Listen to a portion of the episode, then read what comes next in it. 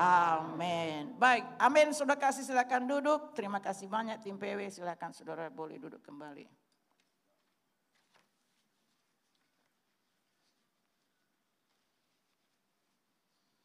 Haleluya umat Tuhan. Semua sehat? Saya tanya, apa kabarnya? Wow, haleluya. Amin, amin, amin, amin. Saya percaya waktu kita katakan luar biasa Tuhan Yesus baik. Itu bukan sekedar perkataan yang biasa atau hal yang kita katakan sebagai iman saudara. Tapi itu memang menjadi kenyataan dalam hidup kita. Kita memiliki Tuhan yang sangat luar biasa baiknya. Haleluya. Haleluya. Dan tepuk tangan kita pun kepada dia kita berikan saudaraku dengan segenap hati kita. Puji Tuhan. Hari ini kita sangat bersuka cita, sudah kasih kembali, sudahku Tuhan sudah kasih, ia memberikan kepada saya, sudahku bagaimana kita boleh diberkati melalui kebenaran firman. Dan saya berterima kasih kepada Tuhan dan juga kepada Bapak Gembala, sudah kasih yang sudah kasih memberikan kepada saya untuk menyampaikan apa sebenarnya yang ada dalam hati saya tentunya dari Tuhan. Karena ya kita berikan kemuliaan bagi Tuhan. Kompak ya, akhir tahun kompak. Amin. Iya, tema kita hari ini adalah firman Tuhan yang didengar harus menghasilkan buah yang lebat. Saya ulangi lagi. Firman Tuhan yang saudara dan saya dengar harus menghasilkan buah yang lebat. Haleluya. Mari kita persiapkan dari Jeskel pasal 36 ayat 25 sampai ayat 38.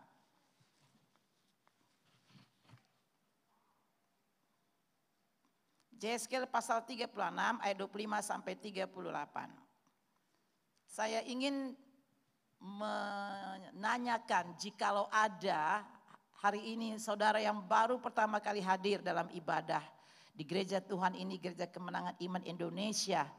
Ya, baik juga saudara mungkin yang ada mendengar di rumah, ya baru saudaraku melihat atau mendengar dengan YouTube saudara atau saudaraku hari ini beribadah kami ingin menyambut saudara karena kami percaya doa kami supaya lebih banyak lagi jiwa-jiwa atau saudara-saudara kami boleh dibawa kepada Tuhan. Mengenal Tuhan, beribadah kepada Tuhan, mengasihi Tuhan sampai pada rencana Tuhan. Jika ada hari ini sudah baru pertama kali hadir, saudara boleh angkat tangan seperti saya ini. Selamat datang Bapak, Tuhan berkati. Ada lagi? Baik, Puji Tuhan, saudaraku kita sambut saudara kita ini dengan sukacita kita berikan kemuliaan bagi nama Tuhan. Terima kasih banyak. Selamat datang ya saudara kami. Mari kita beribadah bersama, baik saudara juga yang ada di rumah. Mari kita sama-sama beribadah karena Tuhan sangat mengasihi kita. Puji Tuhan. Kita bangkit berdiri. Sekali lagi temanya adalah firman Tuhan yang didengar atau saudara yang saya dengar harus menghasilkan buah yang lebat. Kita mulai ayat 25 dan sampai nanti ayat 38 kita bersama-sama. Kita bergantian. Ayat 25 saya mulai. Aku akan mencurahkan kepadamu air jernih yang akan mentahirkan kamu dari segala kenajisanmu dan dari semua berhala-berhala berhala-berhalamu. Aku akan mentahirkan kamu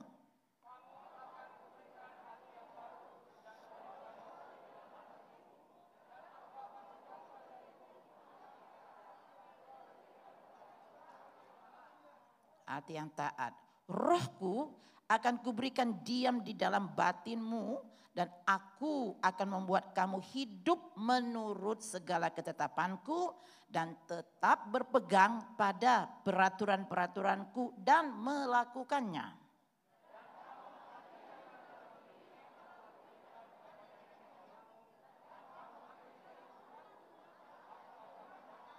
Ya, Aku akan melepaskan kamu dari segala dosa kenajisanmu dan aku akan menumbuhkan gandum serta memperbanyaknya dan aku tidak lagi mendatangkan kelaparan atasmu.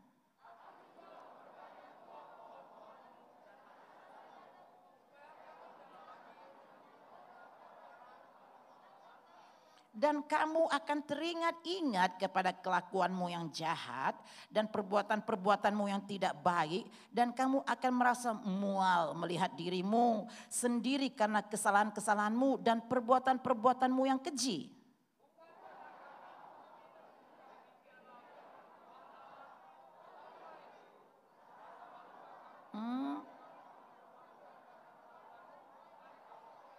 Sebelum saya lanjutkan tidak ada yang tidak membaca ya sayang, baik yang di rumah juga. Yuk ya.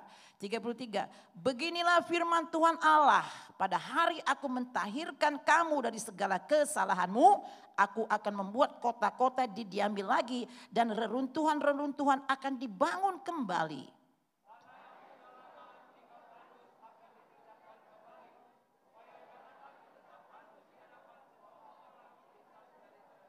35. Sebaliknya mereka akan berkata, tanah ini yang sudah lama tinggal tandus menjadi seperti taman Eden. Dan kota-kota yang sudah runtuh, sunyi sepi dan musnah sekarang didiami dan menjadi kubu.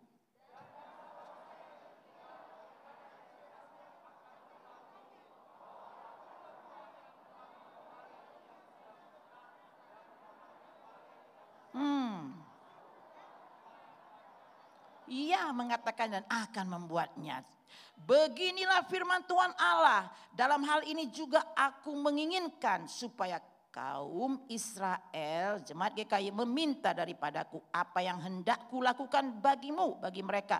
Yaitu membuat mereka banyak seperti lautan manusia. Bersama seperti domba-domba persembahan kudus dan seumpama domba-domba Yerusalem pada waktu-waktu perayaannya, begitulah kota-kota yang sudah runtuh penuh dengan lautan manusia. Dengan begitu mereka akan mengetahui bahwa akulah Tuhan. Ya, tidak belum bisa tepuk tangan tapi kasih senyum dulu karena kita bersyukur bangga kita ada firman yang sangat memberkati kita. Haleluya. Senyum ya. Enggak apa-apa. Kalaupun maskernya sudah kasih menutupi ya saudara punya senyum tapi kelihatan tarikan mata saudaraku ya. Oh, haleluya. Amin. Haleluya. Yang dia sudah memberikan senyumnya katakan amin. Silahkan duduk, letakkan Alkitab saudara. Baru dengan gemuruh kita berikan kemuliaan bagi Tuhan. Haleluya. Haleluya. Puji Tuhan. Dengan penuh kesadaran setiap kita umat Tuhan yang sudah ditebus harus menaikkan pujian syukur kepada Tuhan Bapa di sorga. Ibadah minggu terakhir 2020 di masa pandemi COVID-19 betapa berartinya saat kita dapat beribadah di rumah Tuhan bersama-sama memuji dan menyembah Tuhan. Ya, menaikkan syukur kita kepada Tuhan. Terima kasih tim PW yang terus dipimpin Tuhan. Anak saya Immanuel Buta-Butar. Kita bersangat sudah kasih dipuaskan untuk kita bersyukur sudah kasih kepada Tuhan. Dan kembali lagi kita diberkati melalui firman Tuhan. Kita ingat di minggu ketiga eh, Maret 2020, saya ingat itu ulang tahun gereja kita tanggal 22 Maret. Di situlah mulai kita tidak boleh beribadah karena sudah sudah kasih dinyatakan sudah masa itu adalah COVID-19 sudah menyebar dan tidak diperbolehkan untuk berkumpul. Dan semua kita pada saat itu tidak bisa datang ke gereja dan kita hanya melihat melalui streaming. Dan saudaraku bagaimana kita pada saat itu merasakan satu hal yang tidak pernah kita pernah bayangkan tetapi pada tanggal 22 Maret itu itulah kejadiannya dan terus minggu dan sampai pada Juni 2020 awal oleh anugerah Tuhan kita bisa datang tapi harus dengan new normal.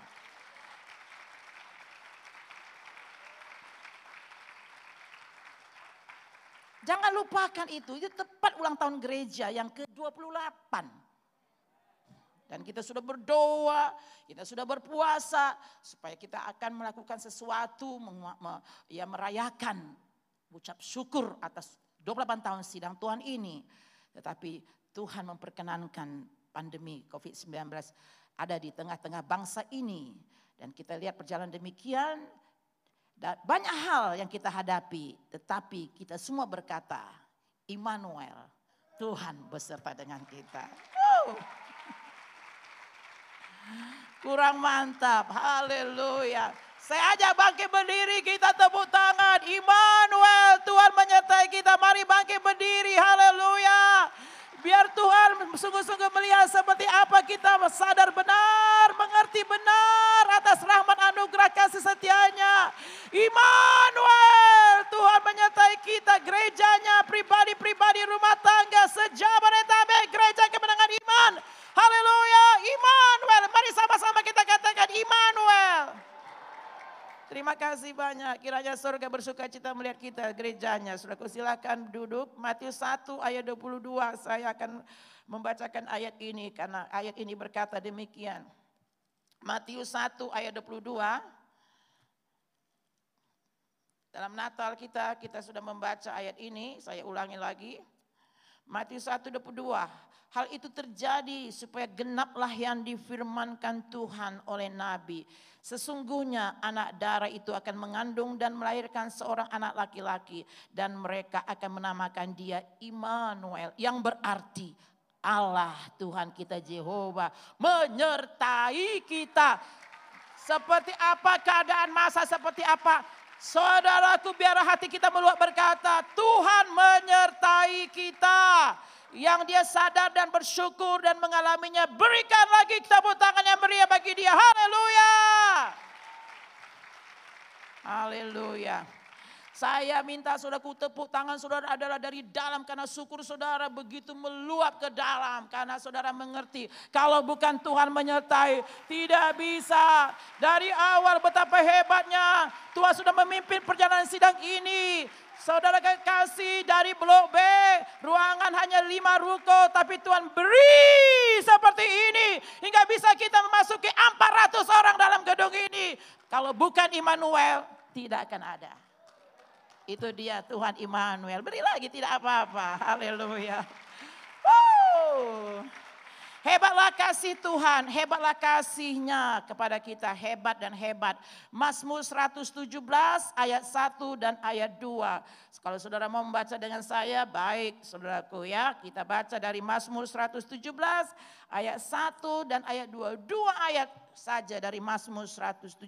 Pujilah Tuhan, hai jemaat GKI pelayan Tuhan, hai segala bangsa. Dan saudara dan saya adalah termasuk bangsa yang saudaraku ada di tengah-tengah bangsa Indonesia ini. Puji Tuhan.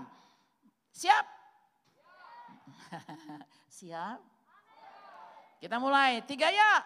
Pujilah Tuhan, hai segala bangsa. Menggahkanlah dia, hai segala suku bangsa. Lebih kuat.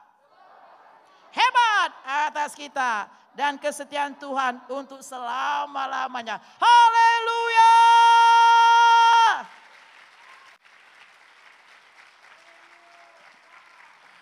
Tidak ada saat ini yang beribadah baik yang ada di rumah dan juga di tempat ini yang menghina Tuhan. Ya bu, saya enggak menghina Tuhan. Kalau engkau tidak bertepuk tangan, tidak bergairah saudaraku. Sama juga engkau menghina, mengatakan ah enggak ada itu wah Immanuel. Saudaraku, saya yakin saya berdoa tidak ada yang seperti itu. Semua kita mengatakan hebatlah kasihnya. Wow, wow tepuk tangan lebih mantap. Amin. Puji Tuhan, bagi saudara dan semua pelayan Tuhan, jemaat Tuhan Gereja Kemenangan Iman Indonesia, Tuhan yang setia beribadah, set, ya pada uh, kita yang setia beribadah, maafkan saya, beribadah setiap minggu, saya yakin kita mengerti maknanya, artinya, seperti apa dikatakan oleh Rasul Paulus, karena kita akan memasuki minggu terakhir dari ibadah kita sepanjang tahun 2020. Apa sih maknanya tiap hari kita ada di gereja? Apa sih artinya kita ada setiap minggu, bukan setiap hari ya, setiap minggu beribadah di gereja. Sebagaimana Rasul Paulus berkata, yang ku kehendaki adalah mengenal dia dan kuasa kebangkitannya. Itulah artinya maknanya saudara ada setiap minggu di sini bukan setor muka sayang, nanti ditanya oleh PKS maka saudara berkata hadir dan dicontreng hadir. Tidak. Walaupun itu memang bagian daripada ibadah kita. Tapi sesungguhnya saudara yang setiap minggu sepanjang 2020 ada beribadah dalam sidang Tuhan ini. Saudara datang beribadah setiap minggu maknanya artinya saudara seperti Paulus katakan ingin kehendak saudara mengenal dia. Dan kuasa kebangkitannya. Yang demikian setuju seperti Rasul Paulus berikan kemuliaan bagi Tuhan. Karena satu roh kita. Haleluya. Filipi pasal 3 kita buka dari ayat 7 sampai 10 ayat itulah yang berkata untuk kita mengerti makna arti setiap kita beribadah setiap minggu.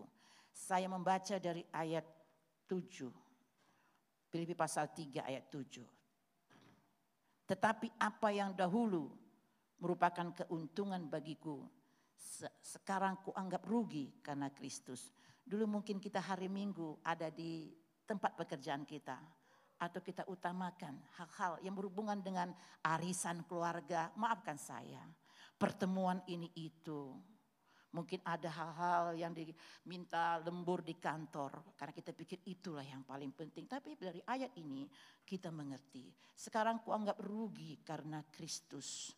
Malahan segala sesuatu kuanggap rugi karena pengenalan akan Kristus Yesus Tuhanku lebih mulia daripada semuanya. Oleh karena dialah aku telah melepaskan semuanya itu.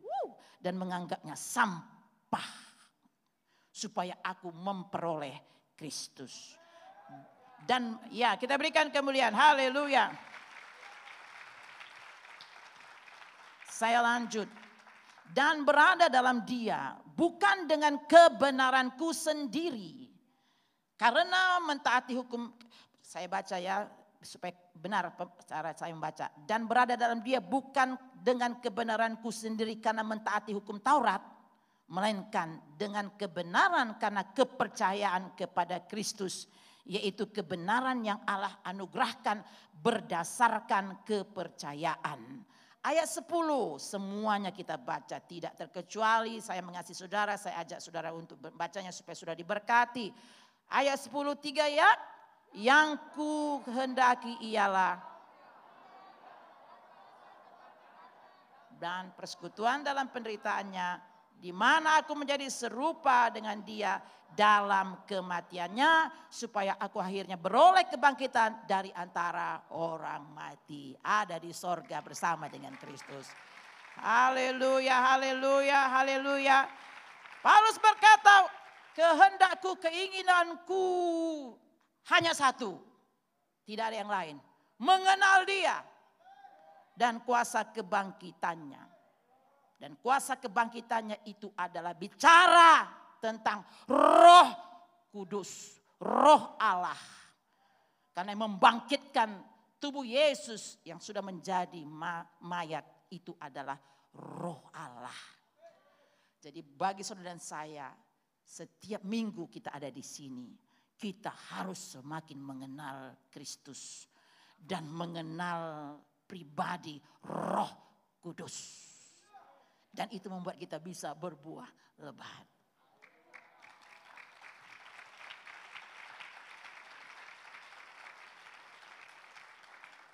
Filipi pasal 3 ayat 7 sampai 10 saya baca dari firman Allah yang hidup.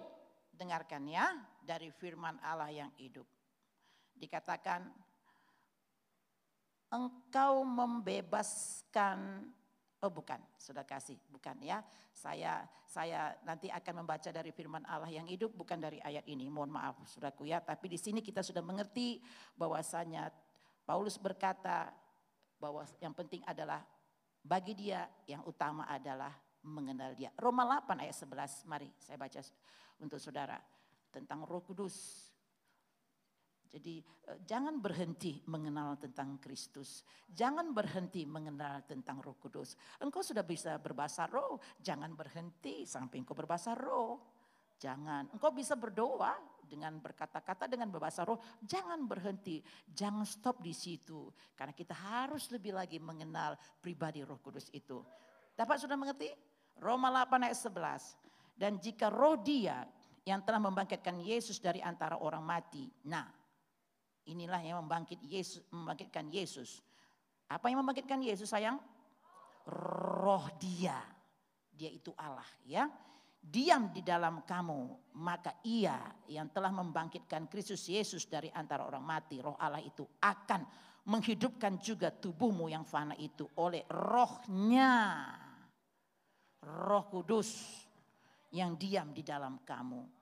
Makanya kita perlu mengenal lebih lagi tentang roh kudus. 2 Korintus pasal 3 ayat 11.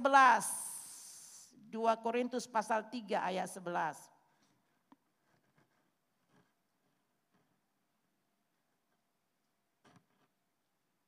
Haleluya. Amin. Sebab jika yang pudar itu disertai dengan kemuliaan, betapa lebihnya lagi yang tidak pudar itu disertai kemuliaan. Haleluya. Ya, saudara kasih kita mengerti bahwasanya pada saat kita ada hidup dalam Roh Kudus, maka hidup kita semakin cemerlang di hadapan Tuhan. Makanya perlu sekali kita mengenal Roh Kudus. Perlu lebih lagi mengenal Roh Kudus. Jadi itulah makna arti kita ada setiap minggu beribadah di gereja. Kita sudah memasuki minggu yang terakhir. Mari kita renungkan flashback seperti apa kita setiap minggu ada di sini. Apakah kita semakin mengenal Kristus? Apakah kita semakin mengenal pribadi Roh Kudus? Dan kalau saudara berkata, "Iya." Berarti saya yakin buah saudara lebat di tahun 2020.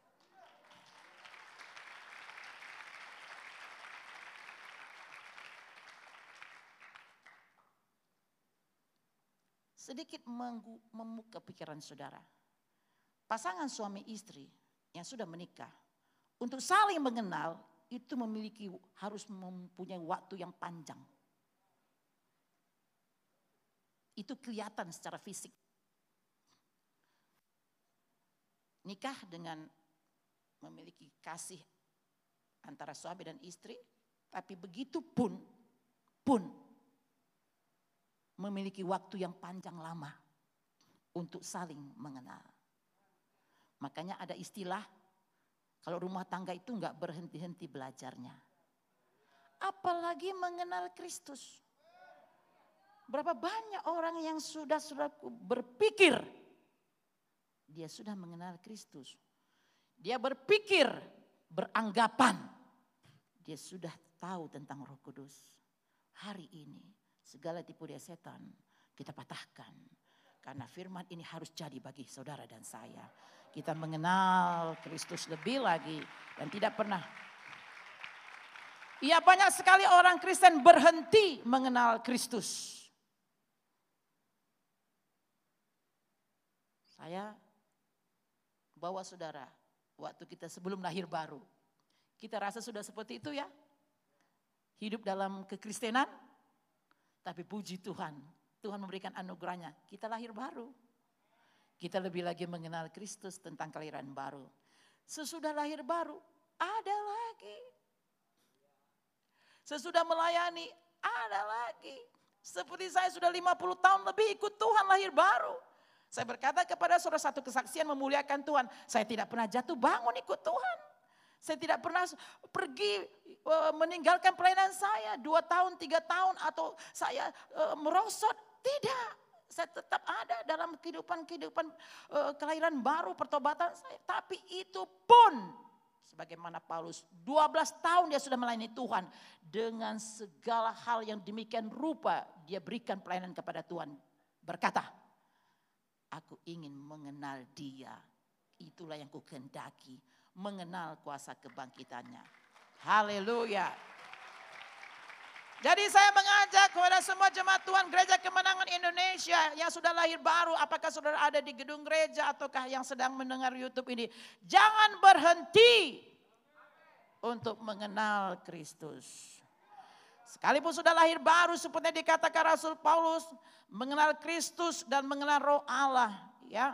Kita tahu dari ayat 10 itu kita mengerti itu harus ada dalam hari-hari kita. Satu tahun kita sudah jalani 2020. Tinggal hitungan hari, tapi minggu kita sudah selesai. Ini yang terakhir. Satu tahun kita jalani sepanjang 2020. Adakah kita semakin mengenal Kristus? Jawabnya, Jangan pakai perasaan, karena nanti bisa KKN kepada diri sendiri. Jawabnya gampang. Kalau engkau berbuah lebat sepanjang 2020 menyatakan bahwasanya memang engkau sudah semakin mengenal Kristus. Jadi terlihat dari perubahan pertumbuhan saudara, buah yang saudara hasilkan semakin lebat, 30 menjadi 60, 60 menjadi 100, 100 stabil 100 sampai Yesus datang engkau sempurna di hadapan Bapa di sorga. Atau sampai akhir dari minggu terakhir 2020 ini sayangku tidak menghakimi tapi memberkati saja supaya kita bisa di, uh, diberkati oleh kebenaran ini, dibersihkan, dimerdekakan. Apakah engkau masih begitu-begitu saja? Maafkan, Siap ibadah, siap firman Tuhan, sepanjang firman Tuhan, entah pikiran ke mana-mana. Nah ini karunia Ibu Gembala. Dan begitu selesai firman Tuhan, kita akan eh, kita akan berdoa menyembah. Saudara langsung berangkat ke kamar mandi dengan alasan sesak Ibu. Nanti kita lihat apa arti ketaatan. Karena firman Tuhan ini ujungnya adalah ketaatan. Ataukah saudara masih begitu saja? Tepuk tangannya agak berat. Udah berulang-ulang. Nyanyian mengatakan lompat.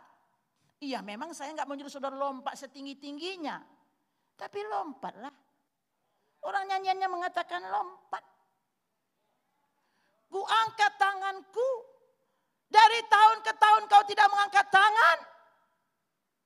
Dengan alasan yang bisa diterima oleh setiap orang. Sama aja kok angkat nggak Yang penting hatiku. Kita belajar ketaatan hari ini.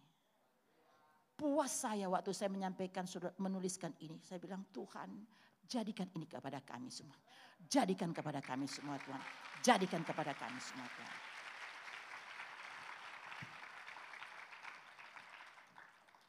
Kembali kepada firman Tuhan yang berkata, sesudah Filipi pasal 3 7 sampai 10, di perjanjian lama dalam Mazmur 90 ayat 8 sampai 12. Apa yang dikatakan oleh Daud tentang hari-hari. Saya percaya kita tidak saja melewati 2020 yang sebentar lagi selesai hanya dengan ucapan syukur yang tidak dengan pengertian yang dalam. Mazmur 90. Saya mulai dari ayat 8. Engkau menaruh kesalahan kami di hadapanmu. Dan dosa kami yang tersembunyi dalam cahaya wajahmu. Semua Tuhan tahu. Enggak ada yang bisa bersandiwara. Walaupun bisa bersandiwara. Bisa kamuflase. Bisa tersenyum. Tapi Tuhan melihat sampai ke dalam hati kita. Ayat 9. Sungguh segala hari kami berlalu karena gemasmu kami menghabiskan tahun-tahun kami seperti keluh. Masa hidup kami 70 tahun dan jika kami kuat 80 tahun. Katakan dalam hati saudara 90 tahun minimal Tuhan. Iya, yes. saya dengan Bapak Gembala mengklaim itu. Seperti bolang, bolang sembiring. Ya, dan kebanggaannya adalah kesukaran dan penderitaan. Sebab berlalunya buru-buru dan kami melayang lenyap. Siapakah yang mengenal kekuatan murkamu dan takut kepada gemasmu? Ajarlah kami menghitung hari-hari kami sedemikian hingga kami beroleh hati yang bijaksana. Inilah firman Tuhan di akhir tahun minggu terakhir ini. Jangan jalan aja haleluya, we wish you Merry Christmas, Happy New Year. Puji Tuhan sayang. Tapi ini yang paling penting. Apalagi sepanjang tahun ini ada roh kudus yang menyampaikan sesuatu. Ada kejadian A, kejadian B, kejadian C. Mana mungkin kita berlalu terus. Semuanya itu membuat kita semakin mengenal Kristus. Semakin mengenal roh kudus. Harus. Sehingga apa pun menjadikan kebaikan. Roma 8, 28. Puji Tuhan. Dari firman Allah yang hidup. Kalimat ini mengatakan saya baca ya. Engkau ayat 8 membeberkan semua dosa kami di hadapanmu. Dosa-dosa kami yang tersembunyi pun engkau melihatnya. Tidak heran kalau di bawah murkamu masa hidup kami di sini terasa panjang dan berat. Hidup kami selalu penuh dengan keluhan. Kami diberi hidup selama 70 tahun, beberapa dari kami mungkin hidup sampai 80 tahun. Tetapi tahun-tahun yang terbaik sekalipun sering hampa dan penuh penderitaan. Dengan cepat tahun-tahun itu berlalu dan kami pun lenyaplah. Siapakah yang menyadari kedahsyatan amarahmu? Siapa di antara kami yang takut kepadamu sebagaimana layaknya? 12. Ini dia. Ajari kami menghitung hari-hari kami, menyadari betapa sedikitnya hari-hari itu. Tolonglah kami untuk menjalani hidup sebagaimana patutnya.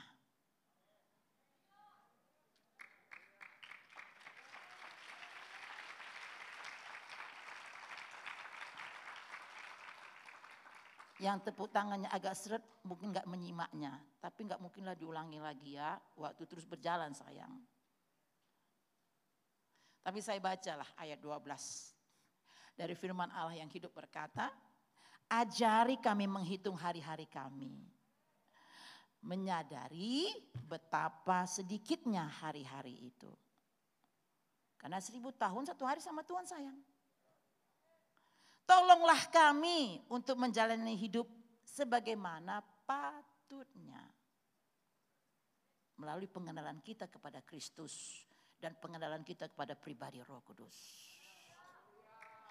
Oh, haleluya, haleluya. Minggu yang lalu atau dua minggu yang lalu kita sudah baca dari Efesus pasal 5. Dikatakan dalam perjanjian baru ini bagaimana pada sidang di Efesus harus memperhatikan hidup kita dengan saksama. Saya harap semua kita setuju. Khususnya kita kaum bapak, kaum ibu, kita menjalani rumah tangga, kita pelayan-pelayan Tuhan menjalani pelayanan kita. Tolong firman ini sungguh membuat hati kita benar-benar mengerti apa yang Tuhan maksudkan bagi kita sebelum kita menutup tahun 2020. Karena itu perhatikanlah dengan saksama ayat 15 Efesus pasal 5. Perhatikanlah dengan saksama. Jadi tidak beda, ajarilah kami. Tadi Mazmur 90 ayat 12 tadi. Bagaimana kami hidup? Janganlah seperti orang bebal, tetapi seperti orang arif. Selalu kita berkata, Tuhan berikan hikmat kepadaku. Berikan hikmat. Tidak mungkin Tuhan memberikan hikmat. Tuhan tidak akan pernah membuang mutiara ke babi. Karena babi tidak mengerti apa nilai mutiara. Tuhan tidak mungkin memberikan sesuatu kalau kita tidak mengerti apa yang harus menjadi bagian kita dan menjadi bagian Tuhan. Jadi hari ini inilah berkat Tuhan bagi kita semuanya.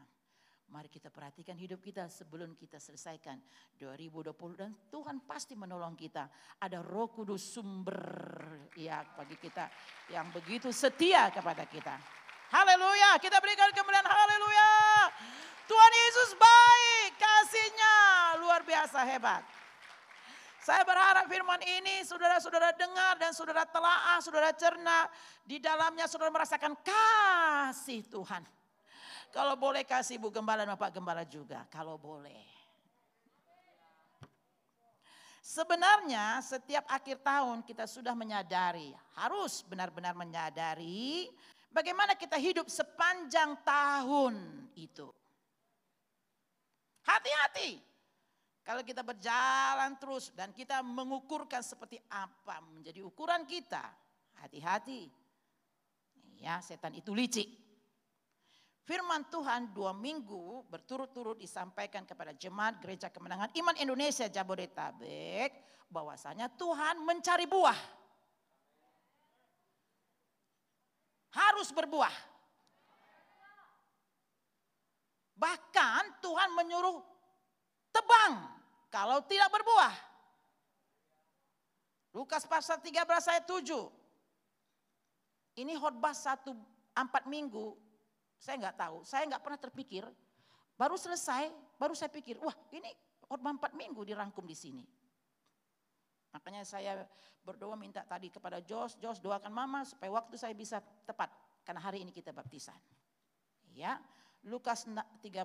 Saya percaya cepat apalagi respon saudara sangat luar biasa. Pasti saya tahu saudara ya cepat bisa nangkap sehingga saya pun bisa melaju dengan cepat. Lukas 13 ayat 7 ini kita sudah membaca ayat ini. Lalu ia berkata kepada pengurus kebun anggur itu sudah tiga tahun. Berarti perjalanannya setahun 2019 2018 2017 haleluya sudah tiga tahun aku datang mencari buah pada pohon ara ini dan aku tidak menemukannya. Tebanglah pohon ini. Untuk apa ia hidup di tanah ini dengan percuma. Kalau saya tanya jemaat GKI khususnya pelayan sejak Bodetabek, mana lebih suka firman Tuhan yang keras menghujam, yang memisahkan tulang dengan sumsum, atau yang mendayu-dayu sehingga saudara ya saking mendayunya, ya matanya pun tertidur. Terima kasih Pak James.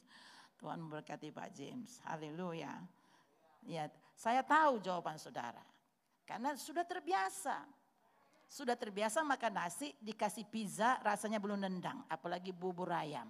Sekalipun bubur ayam itu satu tong dikasih, kalau belum nasi belum nendang. Harus nasi pakai daun singkong Nah, baru nendang dia. Haleluya. Ya, enggak apa-apa tepuk tangannya pun seperti itu. Saya tahu saudara sedang berpikir. Ya, Bu, Ibu kan suruh berpikir bagaimana sepanjang tahun. Jadi saya mau konsentrasi seperti apa saya panjang tahun ini. Jadi tepuk tangan saya kurang mantap. Enggak apa-apa. Yang penting saudara diberkati semuanya. Haleluya, haleluya, haleluya, haleluya. Yohanes 15 ayat 2 harus berbuah.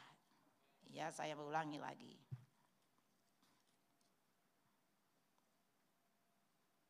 Setiap ranting padaku yang tidak berbuah, dipotongnya. Siapa yang potong? Oh, nya di sini adalah Tuhan. Dipotongnya dan setiap ranting yang berbuah dibersihkannya supaya ia lebih banyak berbuat. Katakan kanan kiri atau kepada diri saudara, ayo cepat-cepat berbuah. Oh, nanti selak kalau orang jawab bilang selak dipotong. ya boleh ketawa tapi bertobat. Boleh ketawa tapi ada sesuatu yang saudara terima untuk membuat saudara semakin sungguh-sungguh mengerti apa Tuhan.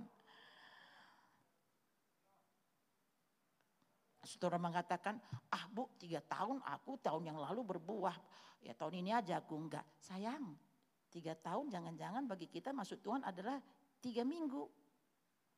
Karena ukuran kita dengan ukuran Tuhan tidak sama. Tidak sama sayang. Ya bukan katanya tiga tahun. Lah seribu tahun Tuhan satu hari. Satu hari Tuhan seribu tahun kita. Tidak sama. Makanya hari ini jika engkau mendengarkan firmanmu, jangan keraskan hatimu. Segera saudara lakukan. Maka kasih kemurahan Tuhan akan ada dalam hidup saudara. Haleluya. Haleluya umat Tuhan. Salam kemenangan iman. Mari kita tertawa. Haleluya. Ha, ha, ha. Benar-benar tertawa loh. Ya kan kalau makanan keras itu sudah aku mengenyangkan. Ya apalagi dikasih tambo. Wah kenyang banget. Sehingga kita menutup tahun 2020 dengan penuh sukacita. Karena Tuhan sudah memuaskan hidup kita. Apa sih yang memuaskan kita? Kebenaran demi kebenaran. Kalau soal berkat itu so pasti karena dia tidak pernah membiarkan kita. Berikutnya, Apakah kita benar-benar menyambut firman kebenaran ini, meresponi firman atau kita membiasakan berlalu demikian saja? Ayo.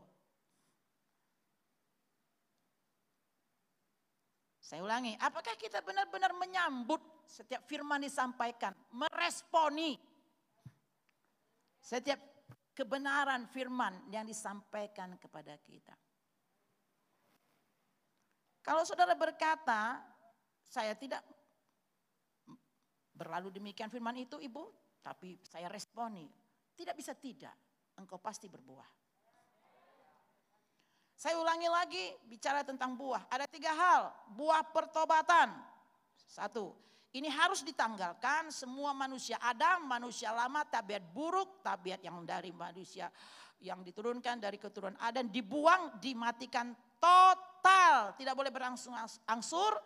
Lalu kenakan manusia baru. 2 Korintus 5, 17. Barang siapa ada dalam Kristus, dia sudah menjadi ciptaan baru. Yang lama, yang lama, yang lama-lama semua tidak ada lagi ditanggalkan, dibuang. Yang baru yaitu kedua buah roh berangsur-angsur. Dimulai daripada kasih. Ya, yang utama kasih. Lalu selanjutnya sesudah saudara memiliki kasih, karena Allah itu adalah kasih, kita bersyukur Bapak Gembala menyampaikan satu state ataupun satu pernyataan. Kalau kita bicara tentang Tuhan tidak bisa lepas dari hal kasih.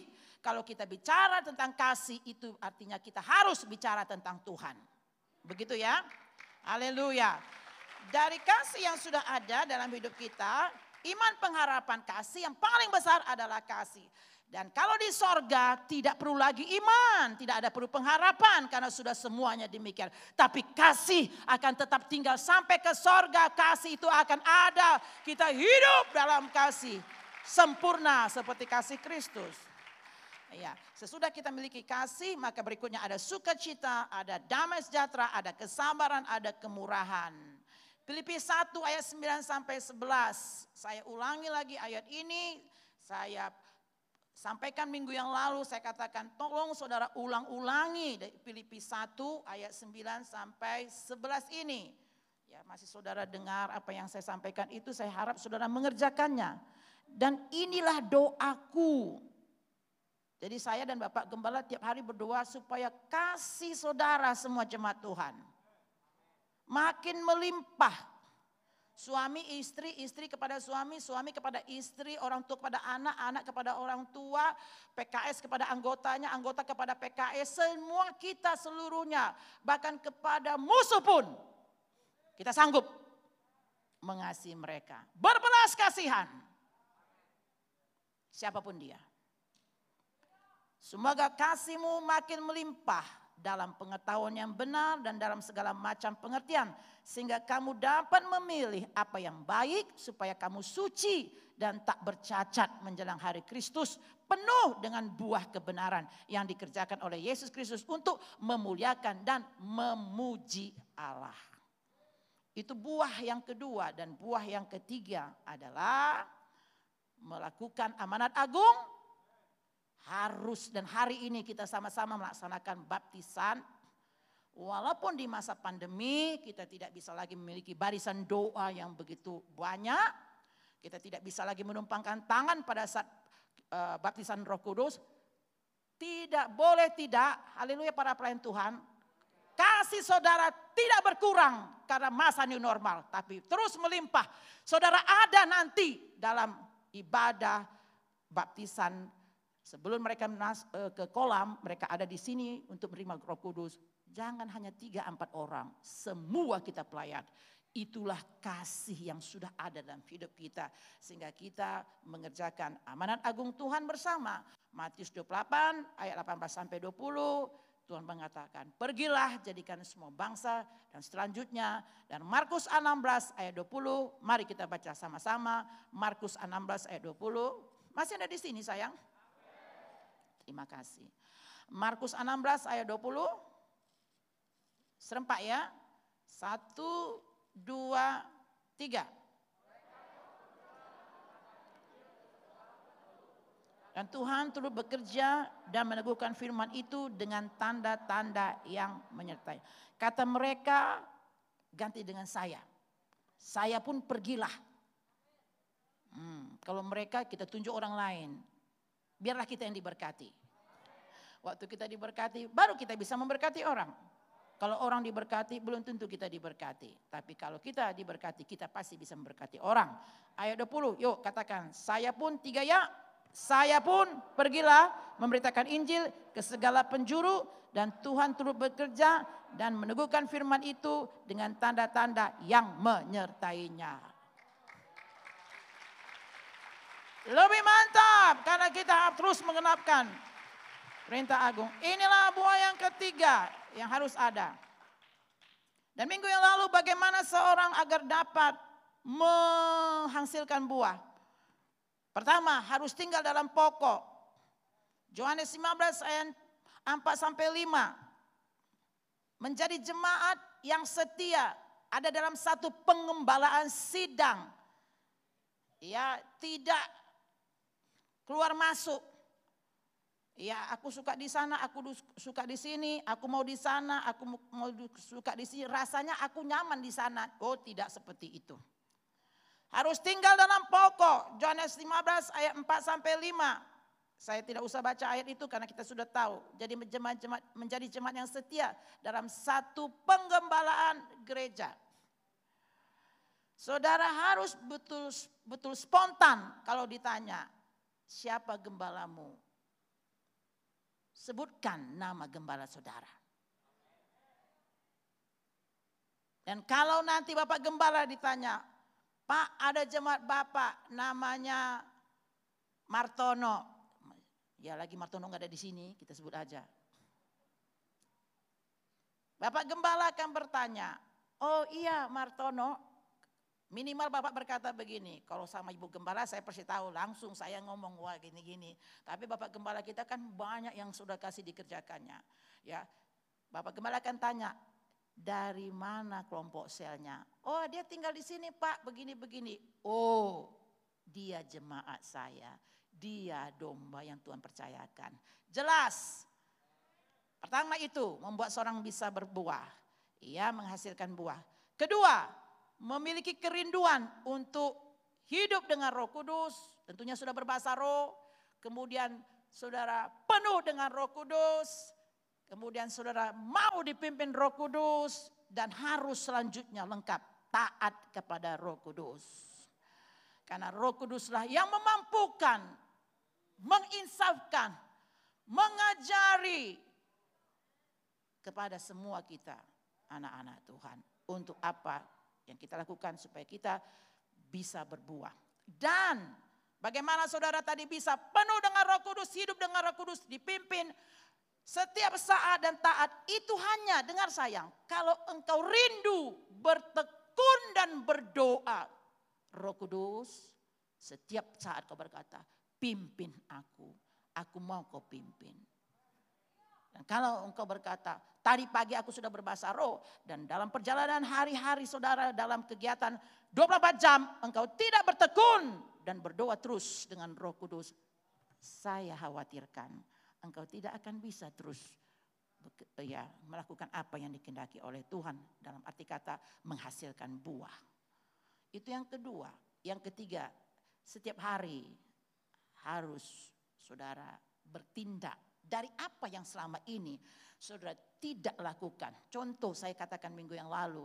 Engkau tidak terbiasa saudara kasih. Angkat tangan. Mulailah bertindak angkat tangan.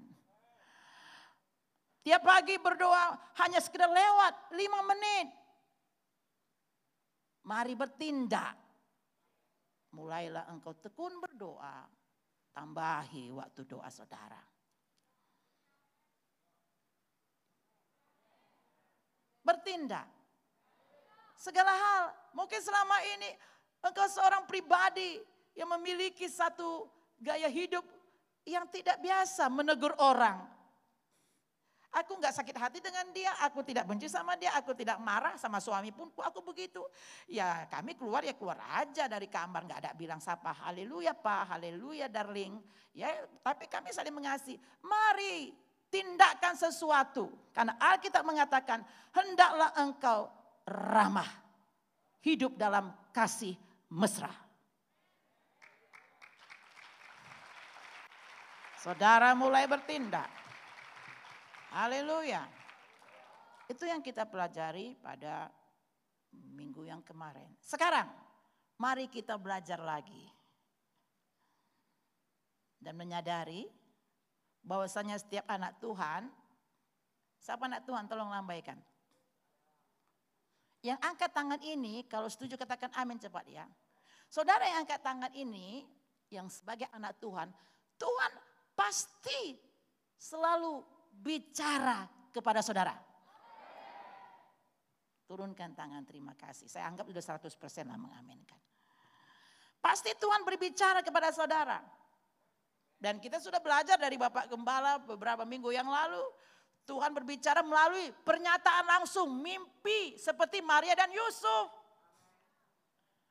Begitu jelasnya Maria mendapat arahan dari malaikat. Dan Yusuf juga mendapat arahan luar biasa. Tuhan bicara secara langsung dan kesaksian Bapak Gembala ketemu dengan Tuhan waktu ada di Rawamangun. Ini yang pertama, melalui pernyataan langsung, nubuatan, mimpi, penglihatan. Ya, Matius 2 ayat 18, ya coba saya segarkan saja. Matius pasal 2 ayat 18 sampai 24. Dan ini bukan hanya kepada Maria. Sampai sekarang Tuhan tidak berubah. Sampai sekarang Tuhan tidak berubah. Matius 2 ayat 18.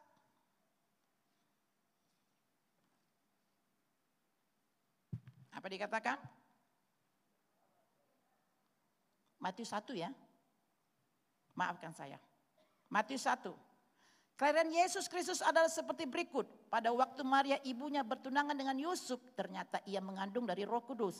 Sebelum mereka hidup sebagai suami istri, karena Yusuf suaminya seorang yang tulus hati dan tidak mau mencemarkan nama istrinya di muka umum, ia bermaksud menceraikannya dengan diam-diam. Tetapi ketika ia mempertimbangkan maksud itu, malaikat Tuhan nampak kepadanya dalam mimpi dan berkata, Yusuf anak Daud, janganlah engkau takut mengambil Maria sebagai istrimu sebab anak yang di dalam kandunganmu adalah dari roh kudus. Dan sudah selesaikan. Kita sudah membaca ini.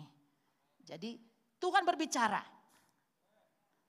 Saya berharap saudara tadi yang mengangkat tangan sebagai anak Tuhan. Yang mengatakan Tuhan terus masa berbicara melakukan hal yang sama. Dia tidak berubah. Mari mengerti sayang. Jangan pernah katakan Tuhan gak bicara kepada saya salah, sesat. Tuhan bicara kepada kita. Dia sayang kepada kita. Saya punya anak dan menantu. Kadang-kadang mereka ini sudah dan juga full timer. Agak-agak bagaimana dengan saya? Karena saya terus bicara. Kemarin kami simulasi dari uh, ini untuk baptisan. Saya katakan bla bla bla bla bla bla bla bla bicara supaya baptisan ini bisa lebih baik. Apalagi Tuhan yang ingin saudara betul-betul mengalami berkatnya dan dia sudah menyiapkannya, menyerahkan nyawanya, menjadi miskin supaya kita kaya, berbilur-bilur supaya kita sembuh. Mana mungkin Tuhan tidak berbicara. Kendak Tuhan saudara dan saya sampai ke tanah kanaan, dia bicara kepada kita. Melalui hidup saudara namanya dimuliakan. Saudara bisa menjadi berkat bagi orang lain. Tidak mungkin. Tuhan tidak menginginkan kegagalan saudara. Dia ingin keberhasilanmu. Memuliakan Tuhan dan engkau dimuliakan. Haleluya. Kepada Maria juga. Lukas 1 ayat 26 sampai 38 saya tidak baca. Ini cara yang pertama. Tuhan bicara. Kemudian lewat keadaan. Saudara masih mendengar? Apakah ini sudah sudah dengar firman Tuhan tanggal 6 Desember kalau tidak salah? Iya. Melalui peristiwa di sekitar saudara. Selai rambut pun tidak akan jatuh. Burung pipit harganya seduit. Kalau Tuhan tidak perkenankan dia tidak akan jatuh. Tuhan berbicara, kepada kita. Matius 10 ayat 24 nanti sudah baca di rumah. Lewat firmannya. Wah. Tebel loh saudara. Dan tebel seperti ini diterangkan lagi setiap ibadah. Pasal lepas pasal, ayat lepas ayat. Wow. Apakah Tuhan tidak berbicara? Sekarang jujur, Apakah setiap dia berbicara engkau meresponinya? Engkau menanggapinya atau melalukannya sayang. Jujur saja supaya hari ini setan tidak bisa berbuat apa lagi.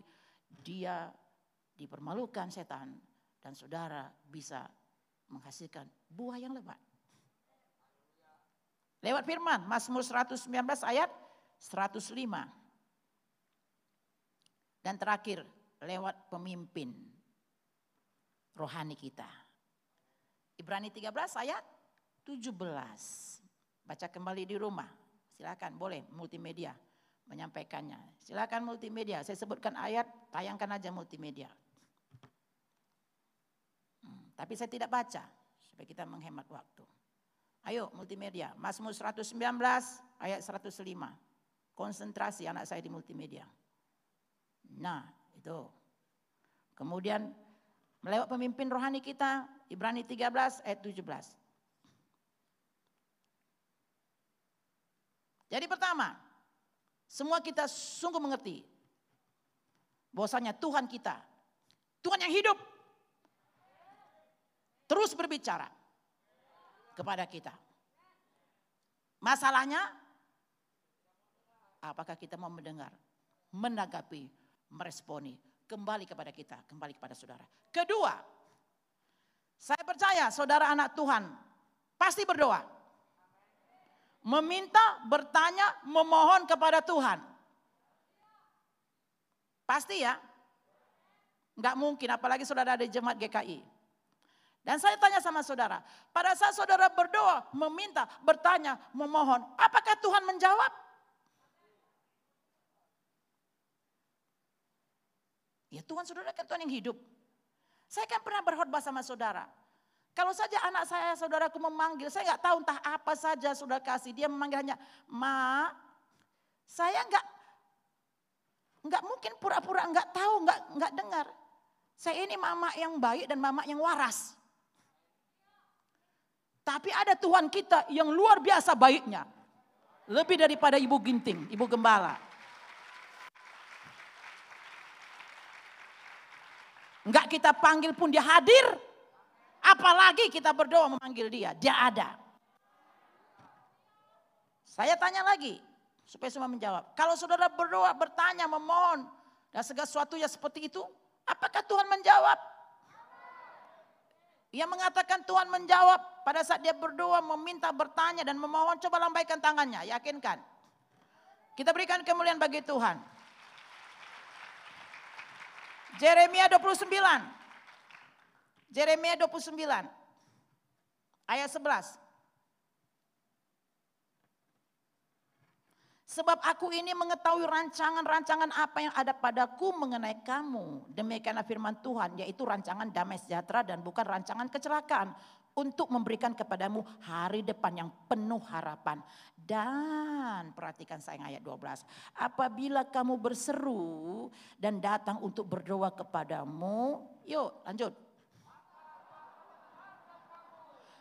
Apabila kamu mencari aku, kamu akan menemukan aku. Apabila kamu menanyakan aku dengan segenap hati, aku akan memberi kamu menemukan aku. Demikianlah firman Tuhan dan aku akan memulihkan keadaanmu dan akan mengumpulkan kamu dari antara segala bangsa dan dari segala tempat ke mana kamu telah kucerai berikan. Demikianlah firman Tuhan dan aku akan mengembalikan kamu ke tempat yang dari mana aku telah membuang kamu dan seterusnya. Dari ayat ini, yang masih bisa mengikuti kita berkata, setiap kita datang berdoa, pasti Tuhan menjawab. Terima kasih.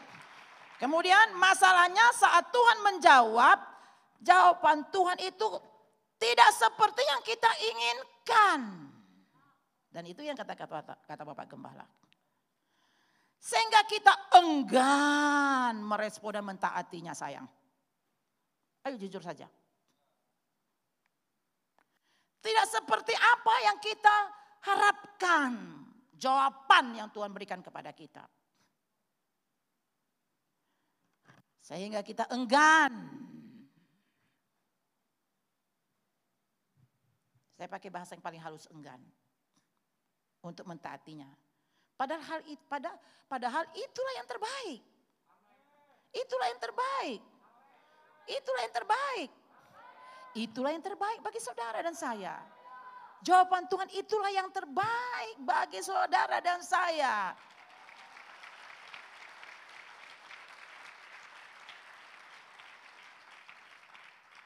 Seharusnya agar kita berbuah banyak atau berbuah lebat apa yang Tuhan katakan, firmankan. Tidak bisa tidak, kita harus taat. Ini poin terakhir. Tolong perhatikan dengan sungguh. Angkat wajah saudara, minta roh kudus menolong saudara. Seluruh keberhasilan hamba-hamba Tuhan dari perjanjian lama sampai perjanjian baru. Itu adalah hasil dari ketaatan mereka, bukan semata-mata iman mereka. Iman itu berbeda-beda ukurannya sayang.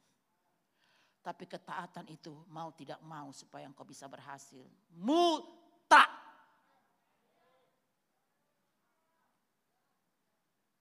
Saya nggak tahu apakah iman saya besar atau tidak. Tapi saya selalu kadang-kala mempunyai pikiran ada rasa khawatir.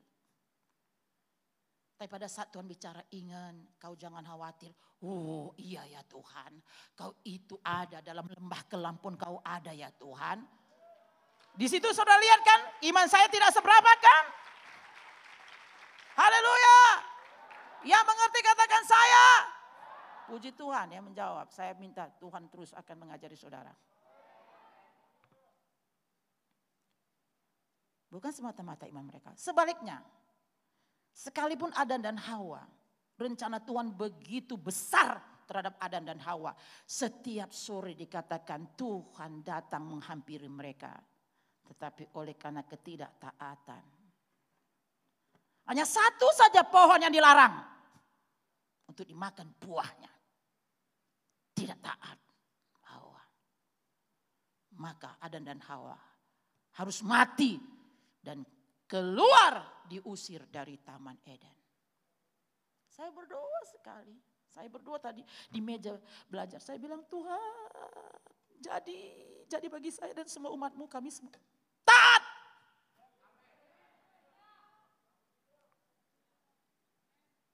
Saul diurapi, dipilih Tuhan dan ditetapkan Tuhan untuk menjadi raja Israel untuk selama-lamanya. Tidak taat sayangku. Simpson lahir sebagai nazir Allah, penuh kuasa. Tidak taat, menajiskan hidupnya. Tidak bisa. Haleluya. Dapat? Saya ajak saudara, ada satu perumpamaan yang jarang kali kita baca. Saya dapat seperti itu, kemudian mari kita baca dari Matius 21. Saya mencari dari konkordansi nggak ketemu ketemu, tapi satu kat, satu uh, saat berikutnya Tuhan suruh saya mem mem membuka ini. Wah, saya dapat. Matius 21 ayat 28. Ini jarang ya dari ayat ini, coba. Matius 21 ayat 28. Perumpamaan tentang dua orang anak. Saya baca dengan cepat, tolong perhatikan ya. Jarang ini ya. Tetapi apakah pendapatmu tentang ini? Seorang mempunyai dua anak laki-laki. Ia pergi kepada anak yang sulung dan berkata, anakku pergi, garis bawahi, kita sudah pergi. Dan bekerjalah hari ini dalam kebun anggur. Jawab anak itu, baik bapak, tetapi ia tidak pergi. Lalu orang itu pergi kepada anak yang kedua dan berkata demikian juga. Dan anak itu menjawab, aku tidak mau. Tetapi kemudian ia menyesal lalu pergi. Supaya saudara mengerti, roh kudus akan mengajari saudara. Siapakah di antara kedua orang itu yang melakukan kehendak ayahnya? Garis bawahi, bawahi Alkitab saudara yang melakukan. Jawab mereka yang terakhir. Saya percaya saudara sudah mengerti ini. Kata Yesus kepada mereka, aku berkata kepadamu, sesungguhnya pemungut-pemungut cukai dan perempuan-perempuan sundal akan mendahului kamu masuk ke dalam kerajaan surga. Sebab Yohanes datang untuk menunjukkan jalan kebenaran kepadamu dan kamu tidak percaya kepadanya. Tetapi pemungut-pemungut cukai dan perempuan-perempuan sundal percaya kepadanya. Dan meskipun kamu melihatnya tetapi kemudian kamu tidak menyesal dan kamu tidak juga percaya kepadanya. Sayang satu tahun akan berlalu baru sebentar lagi. Tolong, mohon saya sebagai ibu gembala dan bapak gembala. Kita mengerti dari kisah ini. Bagi kita berkata amin, mari lakukan. Kalaupun kau tidak berkata amin, tapi hatimu tahu. Itu yang Tuhan inginkan. Lakukan. Memang the bestnya adalah ku jawab ya. ya, ya. Dan selesai engkau menyanyi itu. Dan selesai berkata, engkau lakukan itu the best. Tapi bagi Tuhan di sini yang paling penting adalah melakukan. Taat. Wow, saya berdoa. Saya turun, apa saya taruh kepala saya seperti ini berdoa Tuhan. Tuhan jadi bagi kami semuanya. Haleluya. Saya percaya Tuhan penuh anugerah. Haleluya. Ayat 32 menyatakan kalau tidak taat, ya ayat 32 tadi, menyatakan kalau tidak taat, tidak melakukan apa yang dikatakan Tuhan, sama saja artinya dengan tidak percaya. Sekalipun kita katakan amin atas firman-Nya atau kita katakan saya percaya, tapi kalau tidak kita lakukan, kita mengerti dari apa yang diajarkan Tuhan dari dua orang muda ini. Jadi jika kita tidak taat lakukan apa yang Tuhan katakan, ajarkan firmannya sebenarnya tidak ada artinya kita dengar sayangku. Maafkan agak tajam. Saya ulangi. Jikalau engkau memang memiliki satu hati yang tidak mau taat, tidak ada gunanya engkau mendengar firman Tuhan. Apa yang diajarkan, apa yang dikatakan oleh kebenaran oleh Tuhan. Apakah selama ini kita sudah merasa benar saat kita mendengar firman? Bahkan saat kita katakan amin, mari Tuhan penuh anugerah. Hari ini kita mengerti semua firman, pengajaran tanpa dilakukan, tanpa ketaatan, tidak menghasilkan apa pun. Tidak ada buah, pasti ditebang. Saya tidak lagi saudaraku dengan marah atau apa. Tapi saya berdoa sekali. Saudara mengerti kali kerinduan Tuhan. Dan ini kerinduan kami sebagai Bapak Ibu Gembala. 2021 saudara berbuah hebat semuanya saudaraku. Kaum bapak, kaum ibu rumah tangga, suami istri PKS seluruhnya. KKS new normal. Wow. Tiga jiwa untuk saudara menangkan itu gampang bagi saudara. Jadi hari ini kalau engkau tidak taat, percuma saja. Kau abaikan saja firman dan kebenaran itu. Percuma saja. Selalu kita berpikir dalam hati kita bahwa kita melakukan sesuatu yang kita rasa benar, kan itu tidak salah, Bu. Nah, itu satu ya satu hal yang selalu menipu saudara. Maafkan saya, biar lebih tajam kalimat ini. Halo. Saudara berkata, Bu, emangnya salah saya ke kamar mandi? Bu, Emangnya saya salah ngasih kulitnya 5 ribu? Hari ini kita belajar. Saya akan akhiri ini. Selalu kita berpikir bahwa kita lakukan itu apakah sesuatu yang salah? Saya sudah beribadah bu. Saya ikut berdiri bu. Saya baik mendengarkan bu. Masakan saja hanya ke kamar mandi bu, saya salah? Sayang, Doakan ibumu ini. Saya dikasih Tuhan hal-hal detail seperti ini. Tidak ada hatiku tidak suka dengan engkau. Tidak ada hatiku tidak sudah kasih uh, gembes atau serak dengan no, no, no. Aku yang menyampaikan kasih. Saya berharap sudah merasakan kasih ibu saudara ini. Tapi inilah yang Tuhan sampaikan untuk kita semuanya. Haleluya. Bagi saudara yang berkata, apakah ini salah? Apakah itu salah? Pertanyaan. Ini pertanyaan saja saya berikan. Apakah saudara taat kepada Tuhan, kepada keinginannya, kepada kehendaknya, kepada kebenarannya, kepada rencananya. Sekali lagi dengan cepat. Ingat, Saul mempersembahkan korban bakaran seperti itu dalam pikirannya. Pikirku apa yang salah? Kan aku memberikan korban persembahan sebelum musuh datang. Mananya yang salah?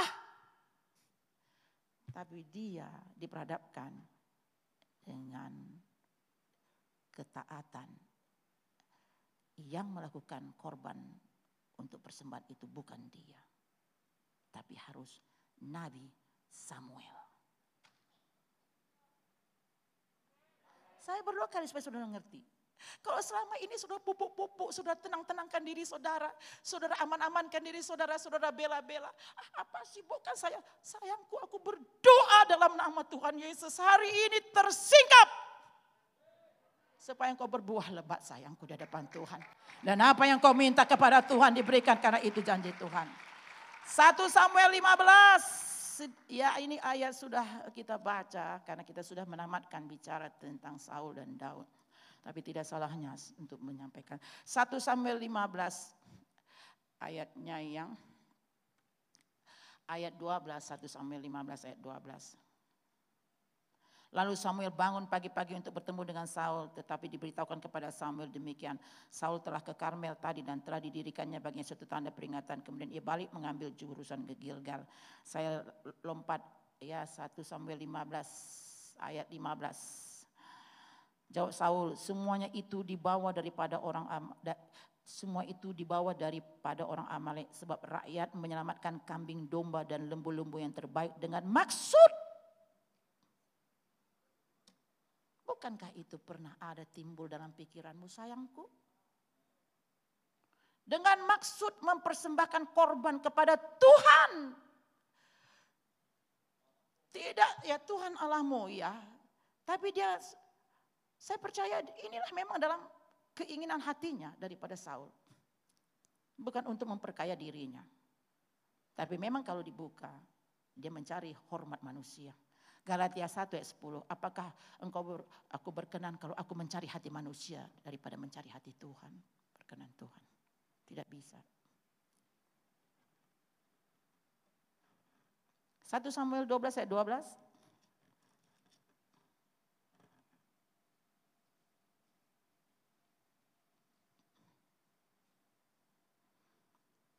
22. Ya, tadi saudara ini mohon maaf, ya saudara tahu cerita bagaimana Samuel ya mempersembahkan korban bakaran. Ya, 1 Samuel 13 ayat 12 maksud saya. 1 Samuel 13 ayat 12. Yuk sama-sama. Dua, tiga ya. Maka pikirku sebentar lagi orang Filistin akan menyerang aku di Gilgal Padahal aku belum memohonkan belas kasihan Tuhan. Sebab itu aku memberanikan diri lalu mempersembahkan korban. Satu alasan yang memang itulah menurutnya.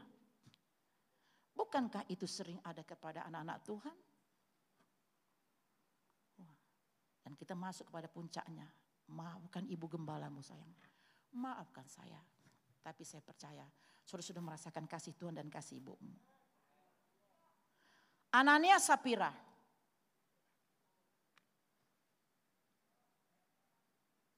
Dia punya hak memberikan seberapa dari hasil jual tanahnya. Bukankah demikian juga dengan kita? Berapa mau persembahan koleteku? Bukankah aku yang memilih dan menentukannya? Sayang. Kalau bicara ketaatan. Satu-satunya langsung kepada Tuhan dan engkau memutuskannya. Anania Sapira. Kisah lima. Waktu dua puasa saya bacakan, saya bawa ini. Saya nggak tahu, saya bawa ini kepada uh, kami yang berdoa puasa. Kisah empat. Kalau ini pun saudara nggak terhujam lagi, saya akan doa lagi lah. Saya tidak menyerah. Supaya saudara berbuah lebat. Kisah 5 ayat 4 sampai 5. Selama tanah itu tidak dijual, saudara tahu ya kisah ini ya, nggak mungkin saya baca dari ayat 1. Yang nggak tahu nanti, yang nggak pernah baca, bacalah di rumah. Ayat 4, selama tanah itu tidak dijual, bukankah ia tetap kepunyaanmu? Dan setelah dijual, bukankah hasilnya itu tetap dalam kuasamu? Tapi ada kalimat berikutnya, mengapa engkau merencanakan perbuatanmu itu dalam hatimu? Engkau bukan mendustai manusia, tetapi mendustai Allah. Siapa yang tahu engkau memberi di kantong kuliti, di amplop-amplop ucapan syukur yang akan kita berikan nanti akhir tahun. Itu hak saudara. Tapi bicara ketaatan sayang. Itu antara engkau dengan Tuhan. Antara firman kebenaran yang sampaikan kepadamu. Antara saudara kasih uh, uh, apa, uh, apa uh, kehendak rencananya kepada saudara. Apa yang kau katakan? Free will. Tapi saya berdoa penuh. Ini gereja yang sangat diberkati Tuhan.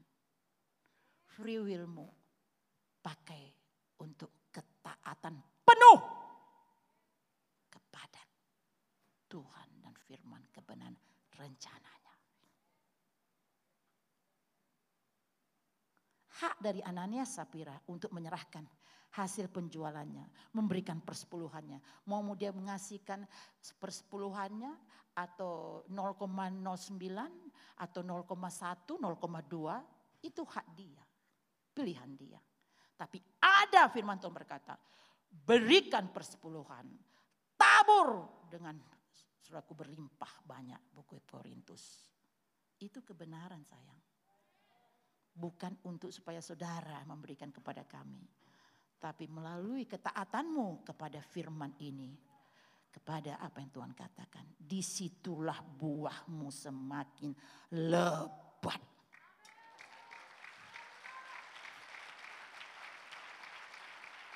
Haleluya. Jelas ya, ini bicara materi Ananias Sapira, saudara boleh, saudaraku pakai pada kasus yang lain. Demikian juga dengan Saul. Jelas. Saudara, Tuhan tetap tegas untuk ketaatan supaya ketaatan kita kepadanya. Katakan haleluya. Saya ulangi kalimat ini. Saya akan akhiri sebentar. Dua menit terakhir. Ya silakan tim PW silakan. Saudara Tuhan tetap tegas untuk ketaatan. Tuhan tetap tegas untuk ketaatan kepadanya. Tegakah Tuhan mengusir Adam? Tidak. Anak kesayangankah Efraim? Dan seterusnya. Tapi dia Tuhan yang adil. Apa yang dia firmankan tidak bisa tidak harus dilakukan. Itu hanya jalan Tuhan untuk membuat engkau berbuah. Dan buahmu lebat. Jelas katanya, apa yang kau minta, kuberikan semua kepadamu. Yang suka cita hari ini, kita semakin mengenal Tuhan. Sehingga saudara gampang sekali untuk tahun depan, untuk hidup di dalam Tuhan. Buah saudara banyak, haleluya. Saya akhiri kembali ke JSKL 36. Ya saya akhiri, saya harap sudah boleh tersenyum, hati sudah lega. Karena saudara semakin mengenal Tuhan, tidak meraba-laba lagi, tidak lagi dengan ukuran saudara. Tapi ada yang Tuhan sampaikan sehingga saudara 2021 saudara berjalan dengan mantap. Ya JSKL 36, saya akhiri, mari kita hidupi ayat 3, pasal 36 ayat 26. Ini ada pada saudara bicara kepada kamu akan kuberikan hati yang baru dan roh yang baru dalam batinmu dan aku akan menjauhkan dari tubuhmu hati yang keras dan kuberikan kepadamu hati yang taat. Hidupi. Jadi itu adalah hidup saudara. Hatimu adalah hati yang taat. Saudara kasih. Ayat 27, ayat 27. Rohku akan kuberikan diam di dalam batinmu Saudara hanya perlu memiliki hati yang taat dan Tuhan memberikan kepada kita rohnya agar kita dan aku akan membuat kamu hidup menurut segala ketetapanku dan tetap berpegang pada peraturanku dan melakukan semua apa yang diperintahkannya kepada kita. 2021 setiap langkah saudara dan saya kita membiasakan untuk bertanya apakah saya sudah taat. Mulai daripada pagi hari kita bangun sampai malam lagi kita tidur setiap hari. Paksa hati dan pikiran saudara dan jiwa saudara untuk tetap taat kepada kebenaran. Paksa sayangku karena memang sudah ada. Sebenarnya habitatnya sudah ada, sudah ada, sudah ada. Tinggal bagaimana engkau mau dan siap dan rela. Dan ada roh kudus ayat 27 tadi berkata. Paksa, maafkan saya harus memakai kata ini. Paksa hati dan pikiran jiwa saudara untuk tetap taat kepada kebenaran kehendak Tuhan, rencana Tuhan. Haleluya. Tuhan Yesus baik. Kita bangkit berdiri saudara kasih. Haleluya. Silakan.